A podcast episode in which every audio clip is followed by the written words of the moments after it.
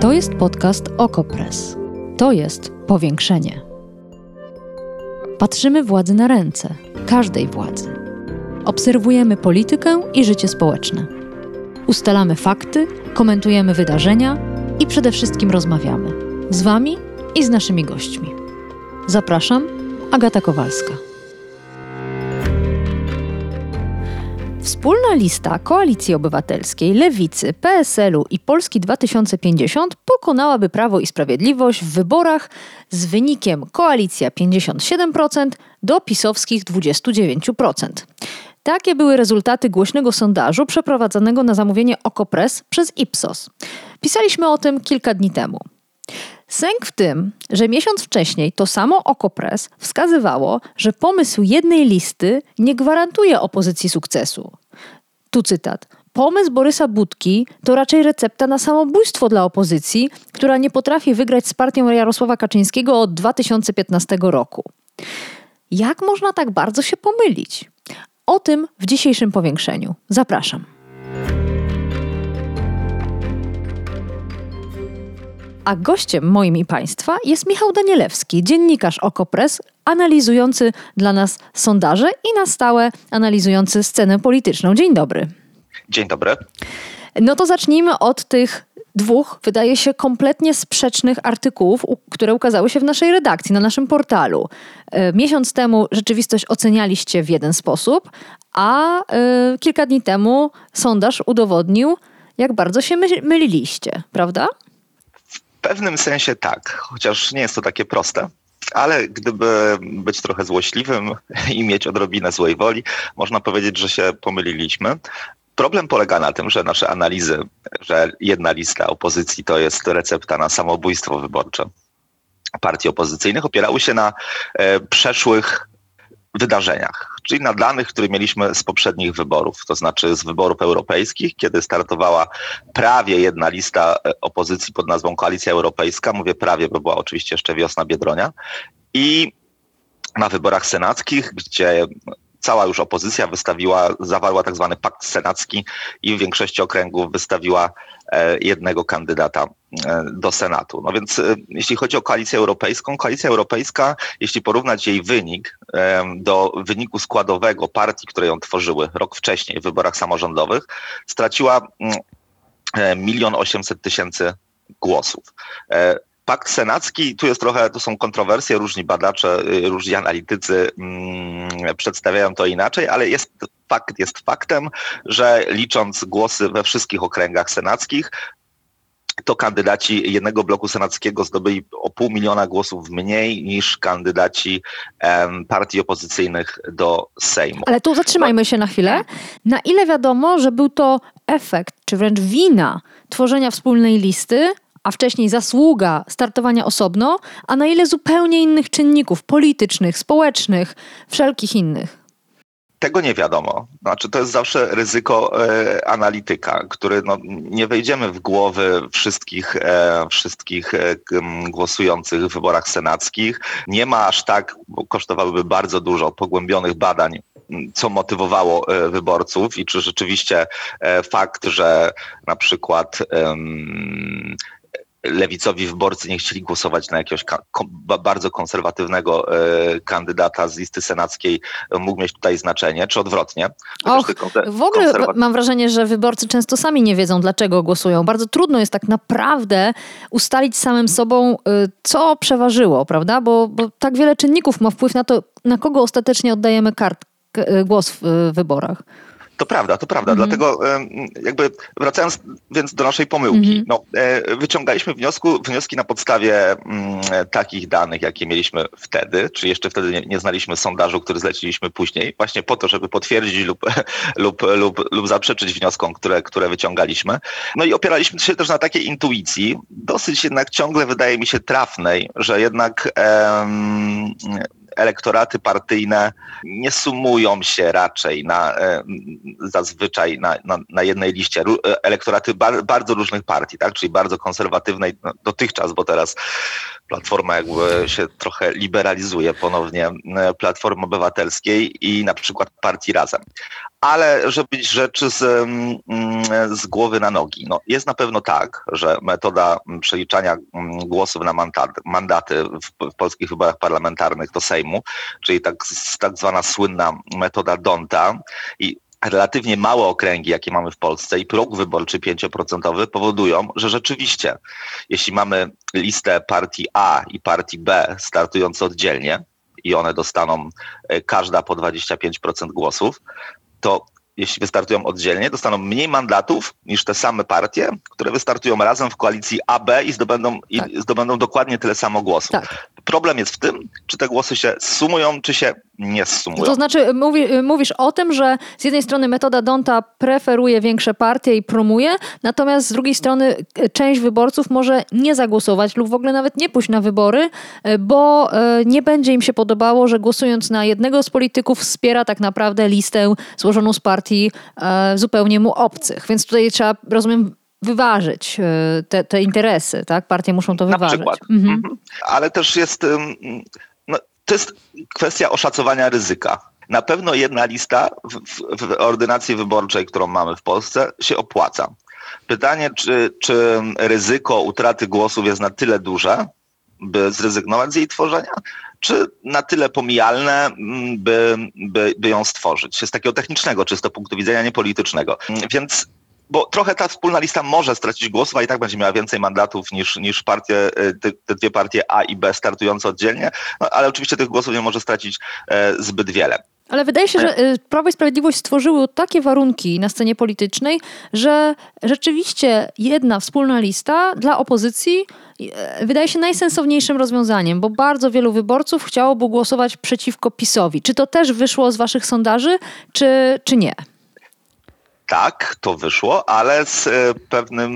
To jest właśnie najciekawsze. Może, mhm. E, może za chwilę tak wrócimy. Jeszcze chciałbym powiedzieć, do tego wrócimy, a jeszcze chciałbym jedno zdanie powiedzieć tak dosyć mocno, żeby to, żeby to wybrzmiało.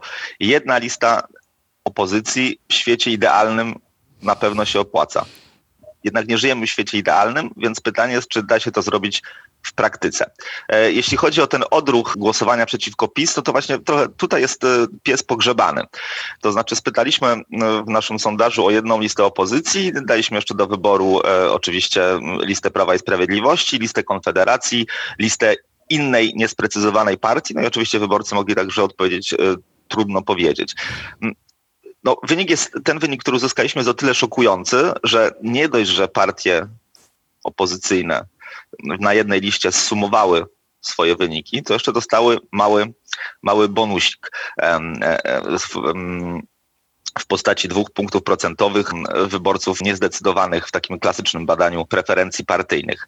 No i teraz można by wyciągnąć te, z tego taki wniosek, że wyborcy bardzo chcą jednej listy opozycyjnej, po prostu pragną jej niezwykle, i to jest jeden wniosek i zagłosują na nią, a drugi jest taki wniosek, że robimy jakby tym sondażem zdjęcie tej chwili, którą mamy teraz, -hmm. która trwa, czyli z połowy lutego 2021 roku, w której to chwili rośnie gniew społeczny przeciwko PiSowi. Więc ludzie wybierając zjednoczoną e, opozycję, raczej mówią, nie lubimy władzy, nie chcemy już tej władzy, po prostu mamy tej władzy dość, a nie mówią, chcemy zjednoczonej opozycji. Ale to, to, razu... się, to, się, parado... to się, to no się może nie wykluczać, mhm. ale ale wykluczać również się może.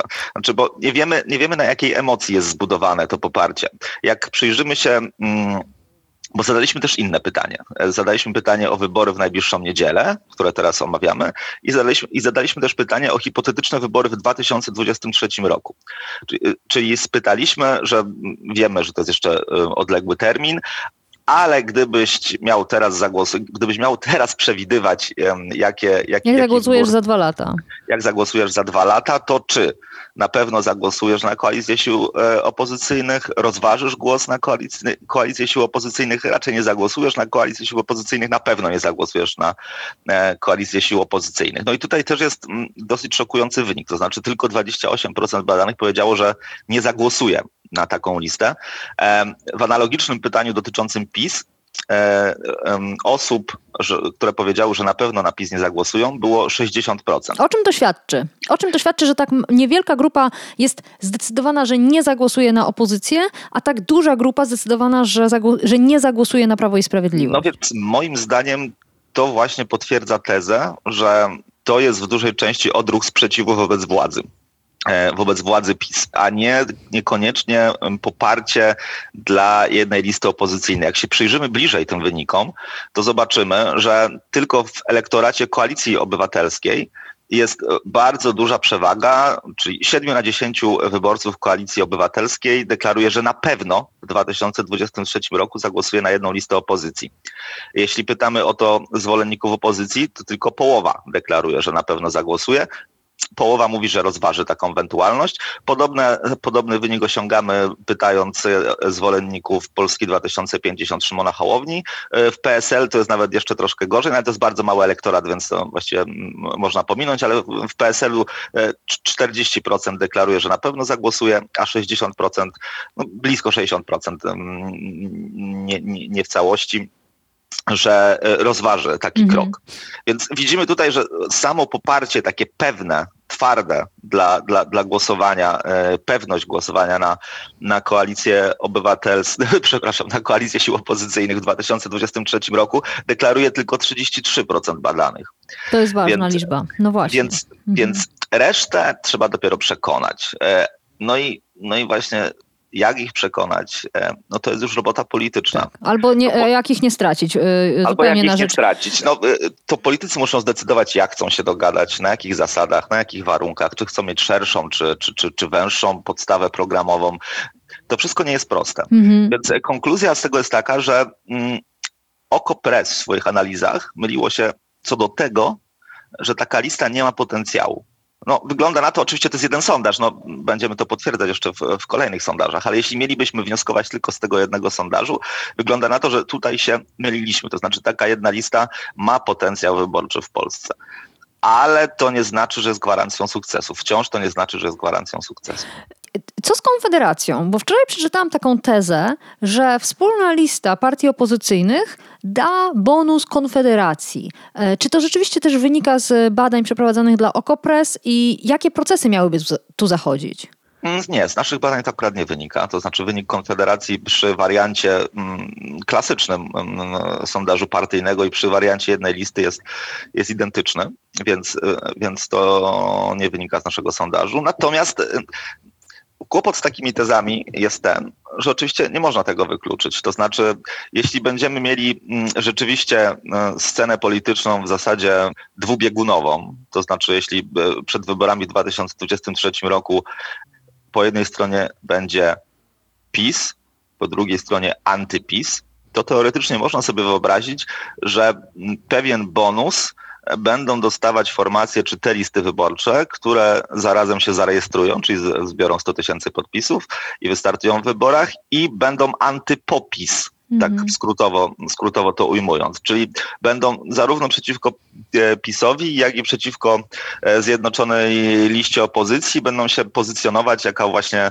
um, jako, jako formacja, która próbuje przełamać ten taki dwubiegunowy podział w Polsce no, wybory pokazują różne przez ostatnie pięć lat, że, że, że jest to hipoteza, która, która, która ma swoje podstawy mm -hmm. w mhm. rzeczywistości. To znaczy na tym grała wiosna Biedronia w wyborach europejskich ze słabym wynikiem, ale gdyby, gdyby pewnie nie taka nuta właśnie antypopisu, to ten wynik mógłby być jeszcze słabszy, bo Wiosna miała fatalną kampanię. Tak. E, na tym trochę grał też Szymon Hołownia w wyborach prezydenckich.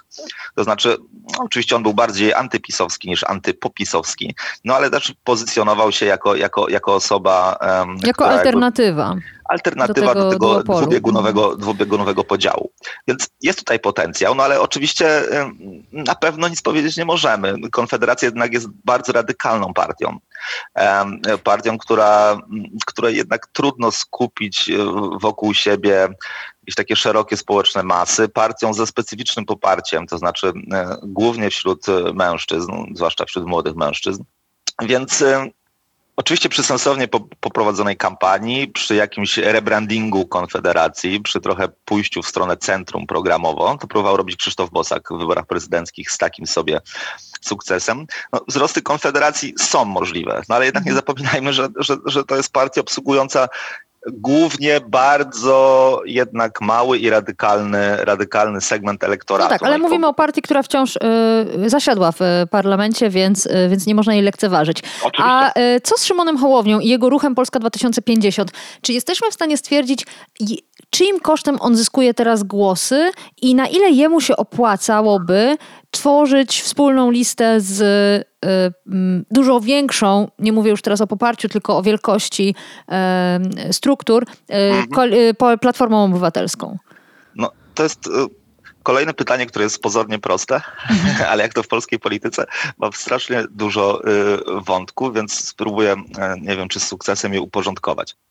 To jest trochę tak, że mm, jeden rabin powie tak, a drugi rabin powie inaczej. To znaczy Szymonowi, Szymon Hołownia na, na starcie w jednym bloku, przy takich oczywiście partyjnych partyjnych um, konfiguracjach i wielkościach, jakie są teraz i zakładając, że ten um, jeden blok i rozkład e, na listach będą proporcjon proporcjonalne do poparcia dla partii w sondażach, no, bardzo jest mało prawdopodobne, żeby mógł stracić na tym, w sensie stracić mandaty tak tylko patrząc na to matematycznie.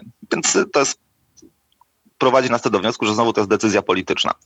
Na tą decyzję, na tę decyzję polityczną mo może mieć wpływ kilka rzeczy. To znaczy, po pierwsze, Szymon Hołownia na jednej liście e, musiałby rywalizować z partiami, które już są dłużej na scenie politycznej, a co za tym idzie mają bardzo rozpoznawalnych polityków. Mogłoby być, więc być takie niebezpieczeństwo, że teoretyczne miejsca biorące dla członków czy też kandydatów Polski 2050 z małą rozpoznawalnością mogliby, mogliby brać mm, działacze rozpoznawani lokalnie z nazwiskami, po prostu mogliby ich przeskakiwać mm. na, na, na, listach i zabierać tak. im te mandaty. Po drugie, zapewne Szymonowi Hołowni najbardziej opłaca się mówić w ogóle o jakimkolwiek porozumieniu opozycyjnym mm, e, za dwa lata najwcześniej, może za rok. Tak. No, w tej chwili zyskuje, w tej chwili jest na fali. E, w żaden sposób nie opłaca mu się e, rezygnować e, z tego na rzecz tworzenia jakiegoś szerszego, dosyć wciąż mglistego porozumienia. Oczywistym jest, że Szymon Hołownia będzie miał lepszą pozycję, jeśli ta koalicja sił opozycyjnych będzie się przed wyborami tworzyć, no kiedy będzie największą partią opozycyjną, to on będzie dyktował warunki. Jeśli będzie, jeśli, jeśli jego poparcie wzrośnie powyżej 20%. Jeśli przeskoczy koalicję obywatelską, no będzie w komfortowej Ale komfortowej... to on ich kosztem e, zyskuje teraz głosy. Platforma Obywatelska tak strasznie stresuje się e, tym ruchem Polska 2050, bo traci na jego rzecz? No na pewno trochę, mhm. trochę Szymon Hołownia podżera Platformę Obywatelską, mm, e, trochę podżera Lewicę, ale mniej. Na pewno bierze swoją siłę z wyborców, którzy... Z partii nie wiem trochę z partii nie wiem, a trochę z takich wyborców, którzy, którzy, którzy są mm, labilni, że tak powiem. Nie mają jakichś bardzo sprecyzowanych poglądów, chcą, chcą, żeby było, nie lubią PiSu, chcą, żeby było dobrze, nie są przywiązani jakoś nadmiernie do żadnej partii. Mm. Tutaj Szymon Hołownia może mhm. łowić. Może pewnie łowić, ale wciąż chyba jednak w znikomym stopniu e, z elektoratu PiS. E, tutaj mówię bardzo ostrożnie, ponieważ nie mamy takich dokładnych badań o przepływie elektoratów. Nie wiemy dokładnie mm, e, skąd Hołownia bierze bierze swoje poparcie, ale tak intuicyjnie pewnie, no i patrząc też na, na spadki i wzrosty sondażowe i na ich dynamikę mm, od listopada, można zaryzykować takie właśnie e, trzy, trzy, trzy, trzy spore źródła, czyli Platforma Obywatelska, Lewica, e, ludzie, którzy mówią, że, że głosują raz na tych, raz na tych, e, a czasami są niezdecydowani i troszkę e, spis. Hmm. No dobrze, nie będziemy się dzisiaj zajmować już tym, e, jak bardzo spada Prawo i Sprawiedliwość, dlatego że to jest zupełnie temat na zupełnie osobną rozmowę o tym, jakie błędy w ostatnim czasie popełnia Zjednoczona Prawica i jak, z jakimi konfliktami wewnętrznymi się mierzy, co bezpośrednio wpływa na ocenę e, wyborców. No o tym może w następnym odcinku powiększenia. A dzisiaj już dziękuję. Michał Danielewski, dziennikarz OKO.press był Państwa i moim gościem. Serdecznie dziękuję za spotkanie. Dziękuję również, również serdecznie. E, I odsyłam Państwa oczywiście na nasz portal, gdzie można przeczytać i o tym, że wspólna lista e, koalicji e, opozycyjnej to słaby pomysł, jest tam mnóstwo ciekawych argumentów i można przeczytać o tym, że to świetny pomysł i też jest mnóstwo argumentów, więc ym, zachęcam, bo tego typu sprzeczne tezy pobudzają do myślenia. Do usłyszenia, Agata Kowalska. Powiększenie. Podcast OKO.press. Prowadzenie Agata Kowalska. Podcast znajdziesz na stronie Okopres i w Twojej ulubionej aplikacji do podcastów. Redakcja Okopres działa od 2016 roku. Jesteśmy obywatelskim narzędziem kontroli władzy, obecnej i każdej następnej. Okopres utrzymuje się z Waszych darowizn. Wesprzyj nas, byśmy mogli działać dalej.